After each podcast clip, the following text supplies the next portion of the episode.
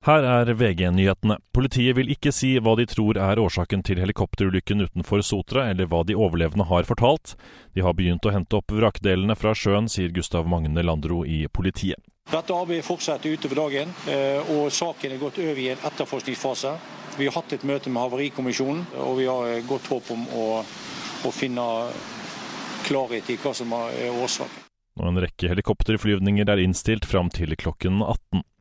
En person har omkommet etter brannen på Skjetten i Lillestrøm på tirsdag. Det ble først meldt at vedkommende var kritisk skadet. Det jobbes fortsatt på stedet med krimtekniske undersøkelser. Minst 104 palestinere er drept og rundt 700 er såret i et israelsk angrep mot en menneskemengde som ventet på nødhjelp i Gaza by i dag, ifølge lokale helsemyndigheter. Det israelske militæret hevder at dusinvis av personer ble skadet i trengsel under matutleveringen.